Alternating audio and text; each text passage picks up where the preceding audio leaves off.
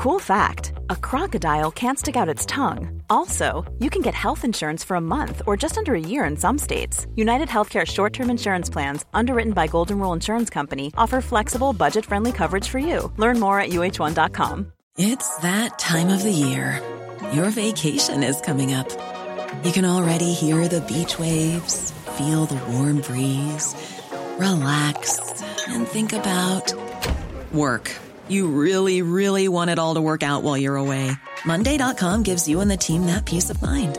When all work is on one platform and everyone's in sync, things just flow wherever you are. Tap the banner to go to Monday.com.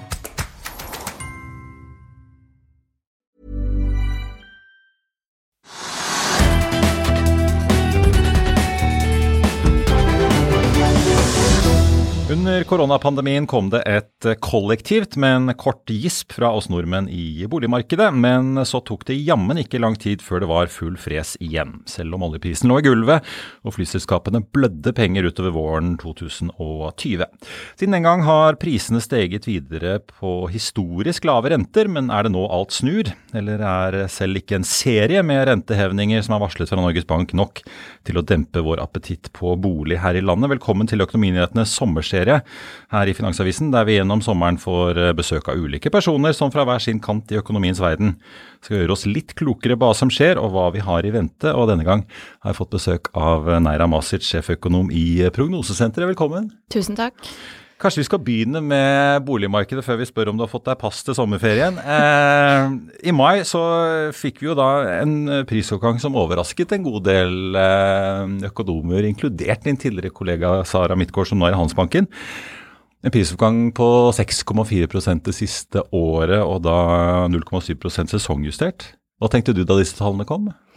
I vår prognose så lå det inne én måned til med prisvekst, og det var eh, den måneden. Det var i mai. Det var mai. Eh, det var mai, Og den prognosen ble laget i mars, var det vel. Ja. Så da hadde vi prisvekst til og med mai, og så har vi lagt inn en nedgang eh, i juni og juli, og så en vekst igjen i august, Ja. eh, og så nedgang ut høsten. Og det er jo eh, vanlig sesongmønster, egentlig.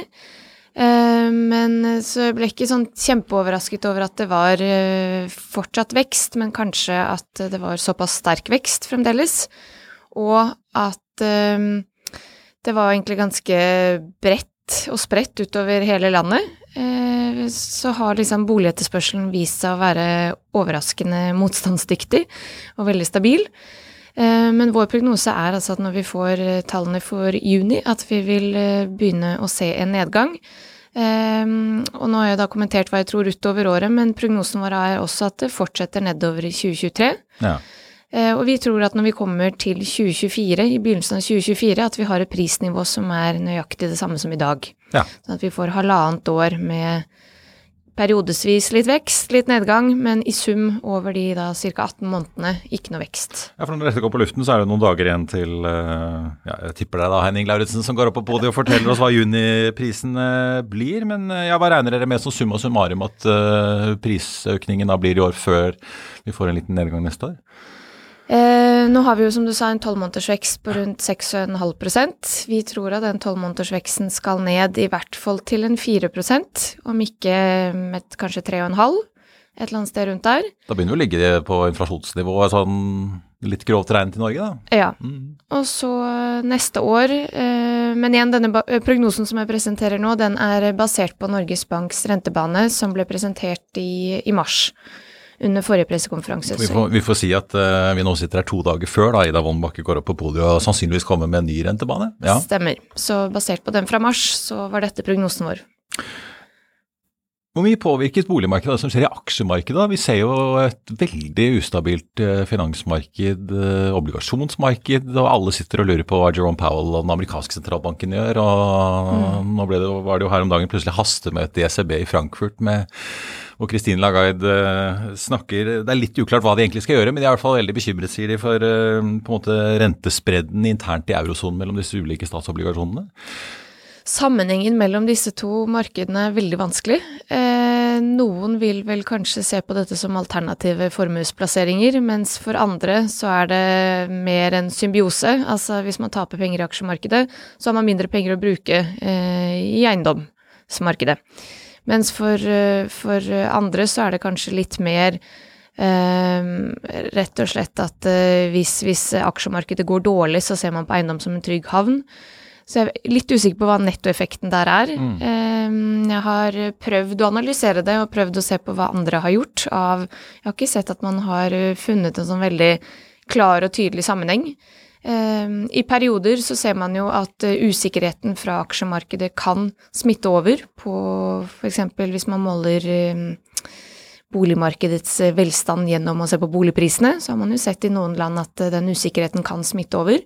Men som sagt, i andre perioder så ser man også at eiendomsmarkedene kan styrke seg når aksjemarkedene har, har trøblete tider. Rett og slett fordi det blir da sett på som en trygg havn. Sånn her hjemme, da. Vi nordmenn er jo i motsetning til spanjoler og amerikanere veldig glad i å eie. Eh, mm. der har jo folk en større tilbøyelighet til å kanskje leie en periode enn å eie hvis eh, de ser at markedet er usikkert eller de mister jobben eller eh, Mens vi nordmenn er jo mer seige på den eierdelen. Ja, jeg tror, eh, jeg tror, som det du er inne på nå, at eh, den derre oppfattelsen av bolig som trygg havn kanskje er, står enda sterkere her. At når andre eh, formuesalternativer og kapitalplasseringer blir mer usikre, at vi nordmenn ser på bolig som enda tryggere enn det vi gjorde før, det er veldig godt mulig når 80% av oss eier. Vi er jo ikke så veldig interessert i å endre på der, det eiesyke forholdet vi har til boligmarkedet. Det tror jeg skal ganske mye til før det blir endra. Men det du sier da, hvis boligprisene da i 24 er omtrent uh, der vi er i dag, så har vi jo, kan i hvert fall regne med at uh, vi har en viss inflasjon fortsatt, da, som mm. uh, spiser opp i bunn. Uh, betyr det at det egentlig da begynner å bli billig for de som står på utsiden og kommer seg inn i boligmarkedet? Eller billigere, i hvert fall? Billigere, skulle jeg akkurat si. Jeg tror nok det blir litt billigere. I hvert fall de som er f.eks. nyutdanna og som har begynt å spare, og som nå kanskje har halvannet til to år foran seg der de kan spare uten at boligprisene løper fra inntekten deres. Ehm, for dem kan det bli enklere å komme inn. Og det så vi jo sist også. Altså vi hadde fra høsten 2018 til høsten 2019 så hadde vi fire renteøkninger. I eh, samme periode så var det jo nesten ingen vekst i boligprisene. Um, der, vi hadde jo egentlig en treårsperiode uten noe vekst i boligprisene, og det var fra våren 2017 til våren 2020, helt frem til pandemien startet, og da eksploderte det jo. Men i løpet av de tre årene uten noe særlig boligprisvekst, så ble det flere førstegangskjøpere, både målt i antall, men også i andel. Og det er rett og slett fordi de kommer veldig godt ut av de periodene der det er eh, flat prisutvikling. Eh, eller fallende prisutvikling, men eh, vi har jo ikke hatt så mange sånne perioder, Nei. så har vi, der har vi ikke noe å sammenligne med. Så det vi egentlig ser for oss nå, er at vi får en reprise av det som skjedde mellom 2017 og 2020. At vi får eh, et par år der eh, boligprisene utvikler seg ganske flatt. Altså ja. gjennom et år så vil det være økning og nedgang. Det vil fortsatt være sesongvariasjoner eh, i løpet av året, men sånn sett over et par år så tror jeg det blir en veldig moderat boligprisvekst.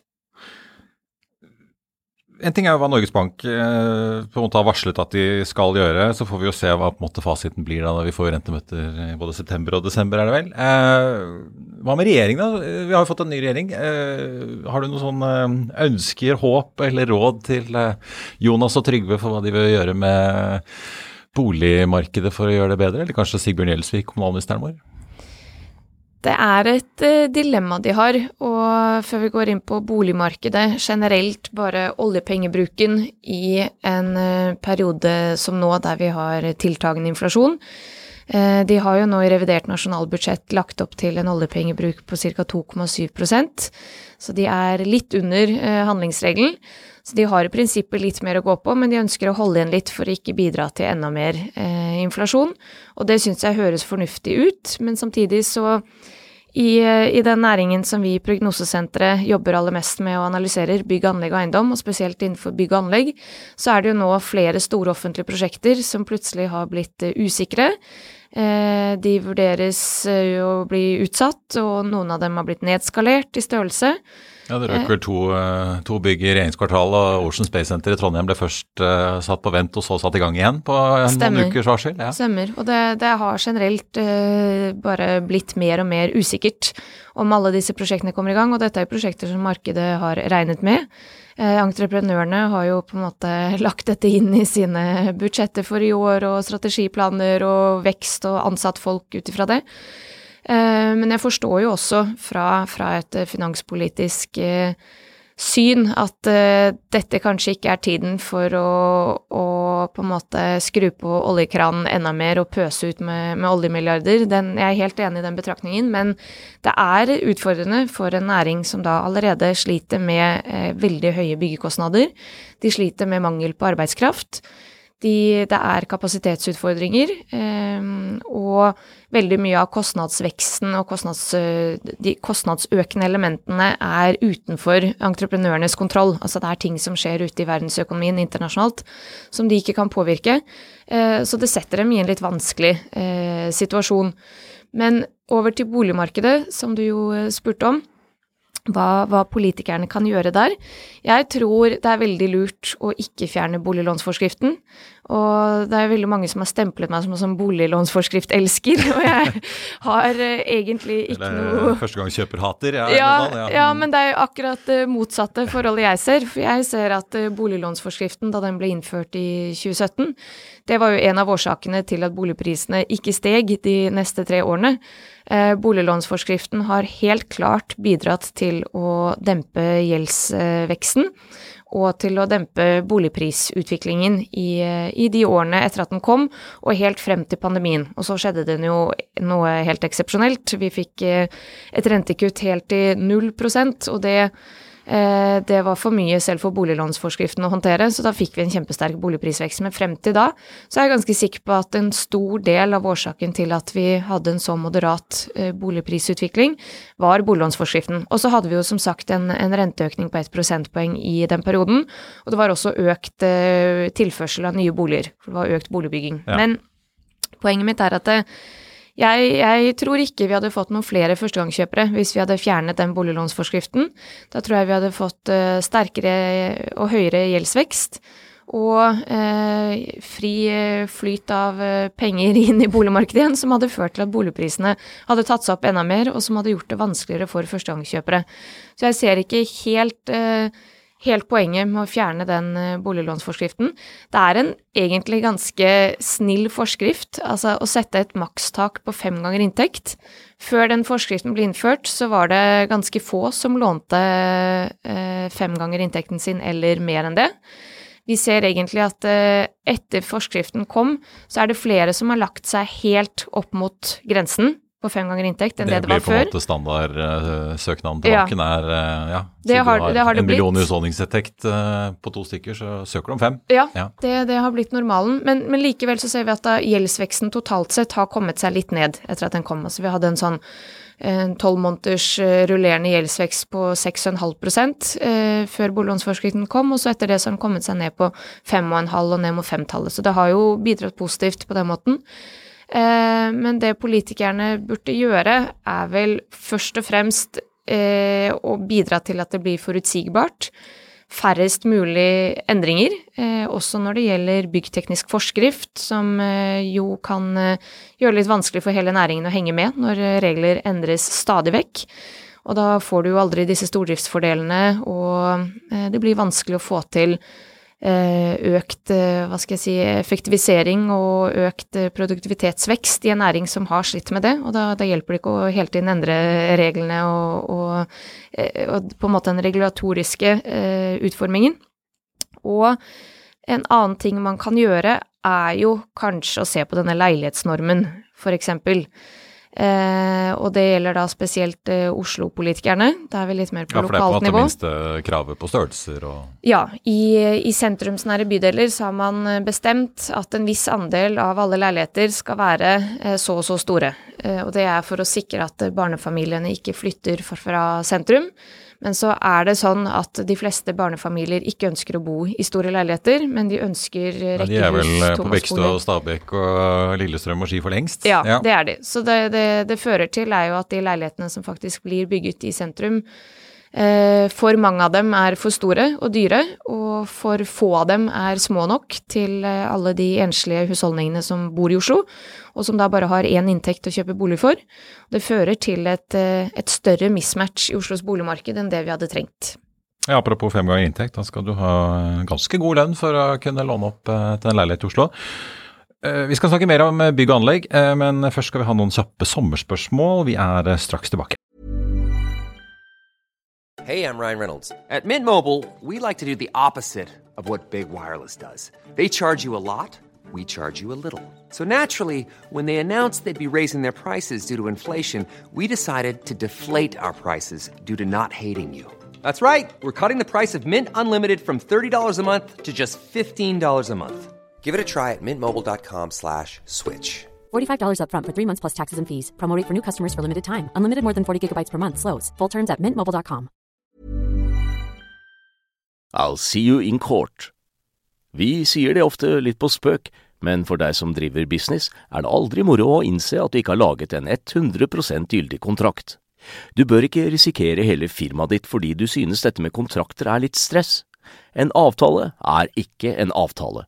Du kan miste kunder, miste venner, ja, til og med miste inntekter om du ikke lager en skikkelig kontrakt, på alt mulig, egentlig. Men vi vet det er et styr, kopimaskiner, tregprinter og haugevis av papir. Dessuten stoler vi jo på folk her i landet. Det er ofte litt kleint å skulle be om en signatur for alt mulig, ja, for mye av styret handler også om jakten på underskriften. Det finnes en enkel måte å løse dette på, Dukkobit, en trygg, effektiv og get this, gratis måte å sikre seg en god natts søvn pluss en juridisk bindende avtale. Dukkobit-appen har de strengeste sikkerhetskrav i bunn, samt en EU-godkjent og sertifisert teknologi. Framover vil det bli behagelig å spørre du, skal vi skrive under på det, eller? Kom i gang på dukkobit.no. Du Nera, vi har noen eh, faste sommerspørsmål vi tar med alle gjestene våre. Først og fremst får jeg spørre deg, har du ordnet deg pass, da? Ja, det Eller sjekket om passet er gyldig? det fiksa jeg i fjor. Kjørte ut i Lillestrøm, for da var det minst kø. Men det var faktisk litt ventetid i fjor òg. Ja. Det var bare ikke så mye oppstyr rundt det. Men uh, jeg fiksa det i fjor. Der så du trenden uh, tidlig. Blir det norgesferie nok et år, eller tar du deg utenlandsferie med fornyet pass i hånd? Det blir utenlandsferie. Ja. Vil du røpe hvor?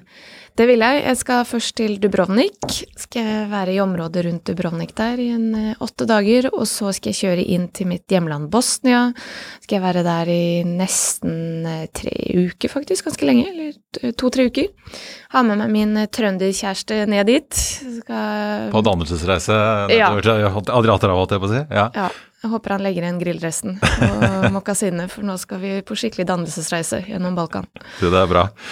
Klarer du å koble av helt og ta sommerferie, da? Eller er du sånn og sitter og leser makrorapporter og sjekker mail og svarer oss journalister når vi ringer og spør uh, hva du mener om ditten og datten? Jeg har vært for dårlig til å ikke se på telefonen og ikke svare på e-poster, og, og, spesielt når det ringer et telefonnummer som er ukjent, så vet jeg jo ikke om det er en journalist eller hvem det er, og da går jeg i fella. Da tar jeg telefonen, og så er det noen som skal snakke om boligprisen eller sånn, og da er det liksom vanskelig å si jeg kan ikke. Jeg syns det er litt vanskelig, ja. men uh, akkurat i år så kjenner jeg at uh, jeg tror jeg faktisk skal bare slå av telefonen helt. Og ta ferie. Ta skikkelig ferie. Ja.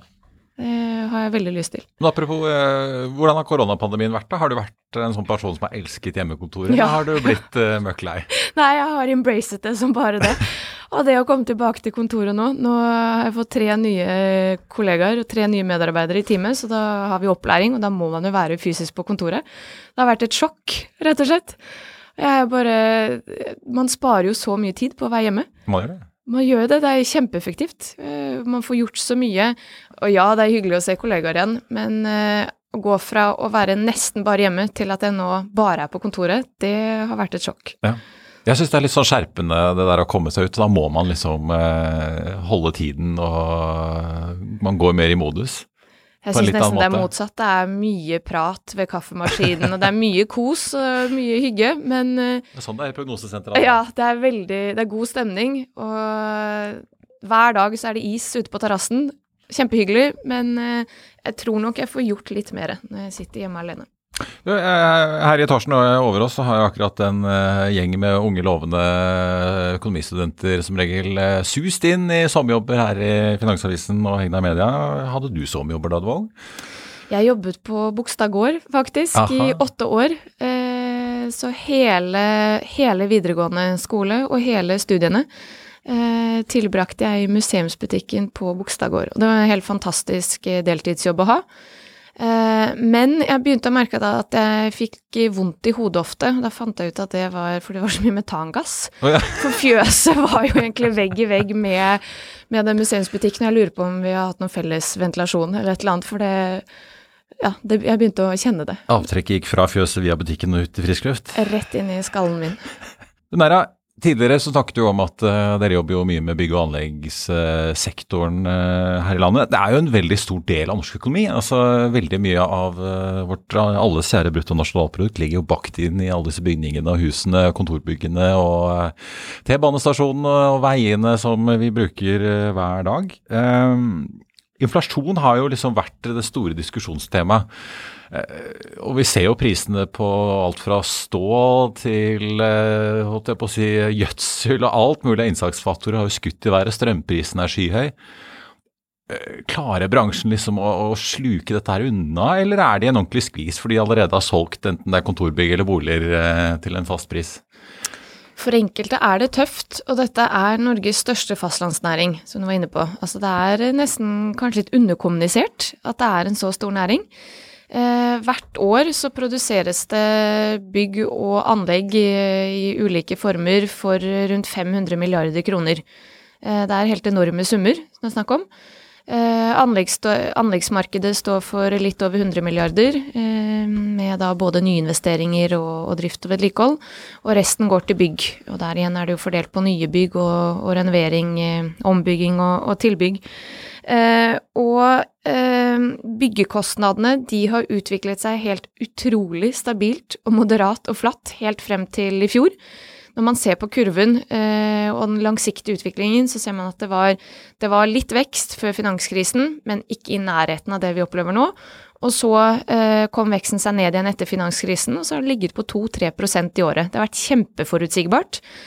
Og så skjedde det noe i fjor, egentlig allerede i starten av 2021, så så man at eh, etterspørselen etter byggematerialer var veldig mye sterkere enn det produsentene så for seg. De hadde jo nedskalert produksjonen sin pga. pandemien og korona, og de hadde forventet lavere etterspørsel. I tillegg så var det jo eh, lockdown og vanskelig i enkelte land i verden å, å fortsette produksjonen på samme nivå. Så tilbudssiden gikk ned og etterspørselen gikk opp, og resultatet ble en kraftig prisvekst. Og så har det gjennom, gjennom fjoråret bare vært eh, et større og større problem med forsyningskjeder som har blitt eh, rammet, og transport har blitt vanskelig. Og, og som du sier, energiprisene har økt, og dette er jo en stor del av utgiftene for å lage en byggevare, er jo energi. Um, og trelastprisene, for ikke snakke om dem, de steg jo med 60% i fjor sammenlignet med året før, og mye av det var barkbilleproblematikk. Og altså det er så mange eksterne eh, faktorer her som ingen egentlig har noe kontroll over, som eh, har skjedd samtidig. Eh, og så begynte ting å roe seg litt ned før krigen i Ukraina. Eh, Trelastprisene falt. Eh, stål og, og, aluminium hadde ikke steget så mye egentlig som trelast, men så fikk vi krigen i Ukraina, og den eh, satte i gang denne karusellen her på nytt. Ja, for jeg, altså jeg, tror mange kanskje nesten ble overrasket eh, egentlig hvor, hvor, utrolig mye som kommer fra Ukraina. En ting er jo mat og korn og mais og, og mange sånne ingredienser. Men det er jo jammen meg mye stål og ledningsnett til Porsche-biler. altså Det er jo utrolig mye rart som, som uh, mange industriselskaper kjøper derfra. Det er det. Det er rundt uh, ca. 10 Ukraina og Russland hver står for uh, global eksport av både jern og aluminium. Um, men det er jo ikke så mye, så en del av Ukraina-effekten kommer da gjennom de økte energiprisene. Også, uh, det påvirker også stålprisene, og det påvirker prisene på alle byggematerialer. Så det er ikke bare det at de er en, en um, direkte produsent og eksportør av stål. Men det som har skjedd nå den siste tiden, og som vi prøver å fortelle våre norske entreprenørkunder, det er at stålprisene internasjonalt har falt uh, tilbake igjen til januar 2022-nivå. Så hele den krigseffekten er korrigert bort. Vi har energikrisen, men er ferdig med krigseffekten? Ja. Vi er ferdig med krigseffekten, uh, og det er fordi det er mange andre stålprodusenter der ute som har klart å å snu seg om og øke sin produksjon. Men samtidig så har også etterspørselen falt. Og det vi så ganske tidlig i, etter at Ukraina ble invadert, var jo at mange begynte å hamstre stål. Akkurat sånn som vi hamstra dopapir i begynnelsen av korona, så hamstret også entreprenørene stål. Eh, vi har hørt om, eh, om store kunder og, eller firmaer som har bestilt stål nå som de kanskje skulle hatt i slutten av i år. Og når mange gjør det, så presser jo det prisene opp kortsiktig, men det er derfor vi også har vært vi i Prognosesenteret har tenkt at dette her er en kortsiktig effekt, og at prisene skal ned. Og nå ser vi internasjonalt at vi er tilbake igjen på januar 2022-nivå. Eh, og stålprisene her hjemme vil måtte følge etter. Altså det er, noe, det er ingen eh, grunn til at vi skal ha så veldig mye høyere Det er bare et spørsmål om tid. Men er det ja. da mange som eh, vi snakket om det litt før vi begynte her. altså Vi har jo sett noen sånne anekdotiske eksempler i, både hos oss i FA og i andre medier om, om uh, leilighetsprosjekter som enten uh, det har blitt full krangel eller de har blitt stoppet fordi uh, utbyggeren plutselig sitter med mye høyere kostnader enn det de hadde regnet inn da de signerte kontrakten med en viss salgssum. Men ser man noe tegn til at det faktisk er et problem?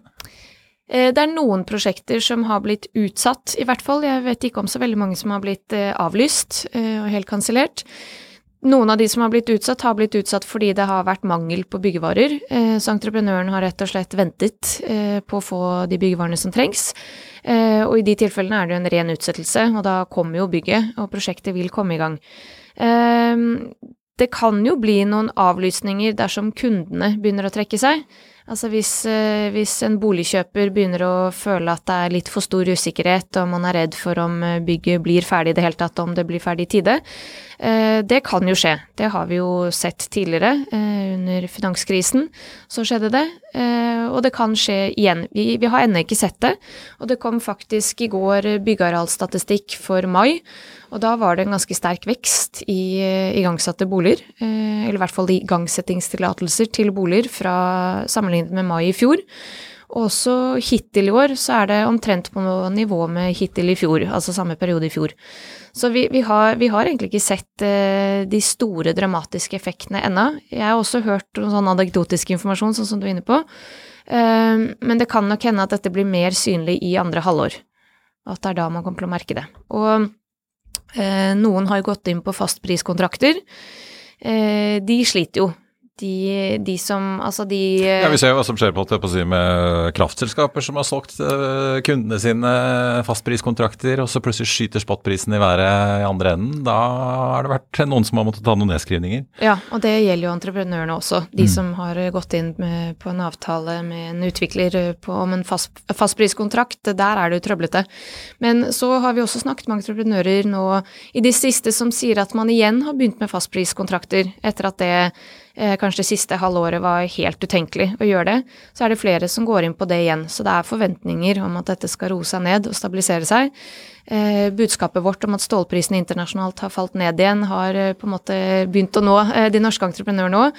Så de fleste forventer at materialkostnadene skal litt ned, men så er det sånn at arbeidskraftskostnaden den står for halvparten av byggekostnadene. Det er mange arbeidsinnvandrere som har satt sagt uh, takk og farvel uh, og dratt hjem fra Norge under pandemien. Og egentlig kanskje over enda lengre tid, egentlig. For det er ikke så gunstig å jobbe i Norge lenger som det var. Nei, absolutt. Og så selv om materialkostnadene kan falle litt ned, så er det den store posten der som er arbeidskraft, som fører til at byggekostnader totalt sett kommer nok ikke til å falle. Men vi tror ikke på videre vekst, men at det da flater ut på et ganske høyt nivå. Vi spør alle gjestene våre denne sommeren. Nå har det vært veldig mye diskusjon om inflasjonen, og den pågår jo fortsatt. Men det er jo stadig flere som går og roper og veiver med armene og mener at vi skal få en resesjon. Eh, så er det kanskje litt mer sannsynlig at det skjer i USA enn i Norge, men likevel, eh, tror du vi får se det i Norge? Jeg er veldig usikker. Det er flere indikatorer som eh, virkelig tyder på at vi kan få en resesjon. Eh, både det oljeprissjokket som vi har hatt etter eh, at Ukraina ble invadert. Historisk så ser vi en veldig nær sammenheng mellom oljeprissjokk og en påfølgende global resesjon. Det er fordi eh, de fleste land i verden er nettoimportører av olje og gass, og når eh, prisen på det øker, så begynner husholdningene og næringslivet å slite, og de responderer med å sette ned etterspørselen sin, og da får vi en global resesjon. Og vi her hjemme kan jo sitte og kose oss eh, litt lenger fordi vi er en nettoeksportør av olje og gass, men vi er også en liten åpen økonomi, og etter hvert så når jo den globale resesjonen oss. Hvem skal kjøpe fisken vår, og hvem skal kjøpe trelasten og olje og gassen vår? Aluminiumen til Hydro, ja. Ikke minst. Mm. Så det at vi, vi, vi får nok ikke noe global resesjon uten at Norge er involvert, det tror jeg ikke. Eh, og avkastningen, spesielt eh, på det amerikanske aksjemarkedet, er hittil i år den dårligste siden finanskrisen. Det er også en eh, tydelig indikator på at eh, det er et eller annet veldig rart som skjer nå. Men så er det igjen noe spesielt med Norge. Vi har jo klart oss utrolig bra gjennom de fleste kriser. Klarte oss veldig bra gjennom finanskrisen. Eh, og mitt inntrykk er at vi kommer til å klare oss mye bedre enn de fleste andre dersom vi får en ny global resesjon. Og det er jo ikke bare fordi vi har et helt enormt oljefond, men jo også litt derfor, som eh, vi kan eh, ha som en buffer, og som kan brukes til å sette i gang kraftige finanspolitiske stimulanser hvis det blir behov for det. Men vi har jo også en sentralbank som har vært flink til å sette opp renta når det er muligheter for det. Så de har eh, noe å kutte? Ja, så de Mm. skaper seg et handlingsrom, og det kunne jo mange andre sentralbanker lært litt av. Ja. Sett Ja, opp renta når det er gode tider, og så kjøper du deg litt tid, og så har du noe å gjøre når det blir trått.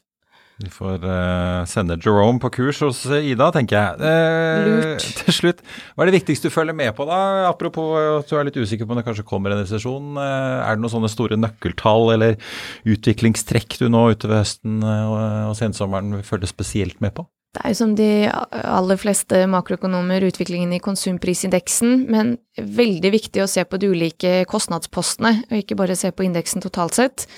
Eh, nå når vi fikk de siste tallene for mai, så var det f.eks. overraskende sterk vekst for møbler og interiørartikler, som hovedsakelig er importert, så vi begynner å se at den eh, importerte inflasjonen eh, begynner å stå for en del av kostnadsveksten her hjemme. Og så er det jo matvareprisene. Altså det er en del av disse kostnadspostene som kanskje renteøkningene ikke vil ha noe særlig kontroll over. Vi kan kontrollere en del med renteøkningene, men en del av inflasjonen ute i verden har Norges Bank ingen eh, påvirkning på. Og det må vi også være litt klar over. Og så følger jeg jo selvfølgelig med på arbeidsmarkedstall, eh, men i og med at vi er så tett på bygg- og anleggsbransjen, følger jeg veldig tett med på byggekostnader og råvarepriser.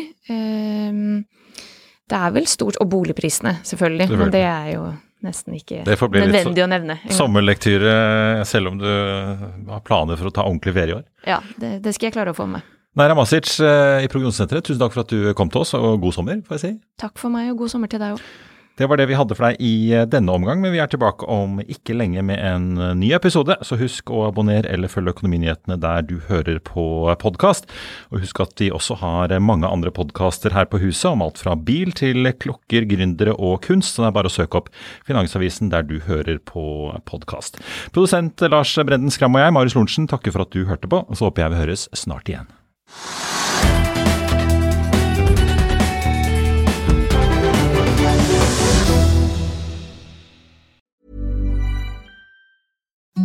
Imagine the softest sheets you've ever felt. Now imagine them getting even softer over time. That's what you'll feel with Bowl and Branch's organic cotton sheets. In a recent customer survey, 96% replied that Bowl and Branch sheets get softer with every wash. Start getting your best night's sleep in these sheets that get softer and softer for years to come. Try their sheets with a 30-night guarantee. Plus, get 15% off your first order at bowlandbranch.com. Code Exclusions apply. See site for details. When you need mealtime inspiration, it's worth shopping Kroger, where you'll find over 30,000 mouthwatering choices that excite your inner foodie. And no matter what tasty choice you make, you'll enjoy our everyday low prices, plus extra ways to save, like digital coupons worth over $600 each week. You can also save up to $1 off per gallon at the pump with fuel points. More savings and more inspiring flavors make shopping Kroger worth it every time. Kroger, fresh for everyone. Fuel restrictions apply. Økonominyhetene er en podkast fra Finansavisen. Programledere er Marius Lorentzen, Stein Ove Haugen og Benedikte Storm Bamvik. Produsenter er Lars Brenden Skram og Bashar Johar. Og ansvarlig redaktør er Trygve Hegnar.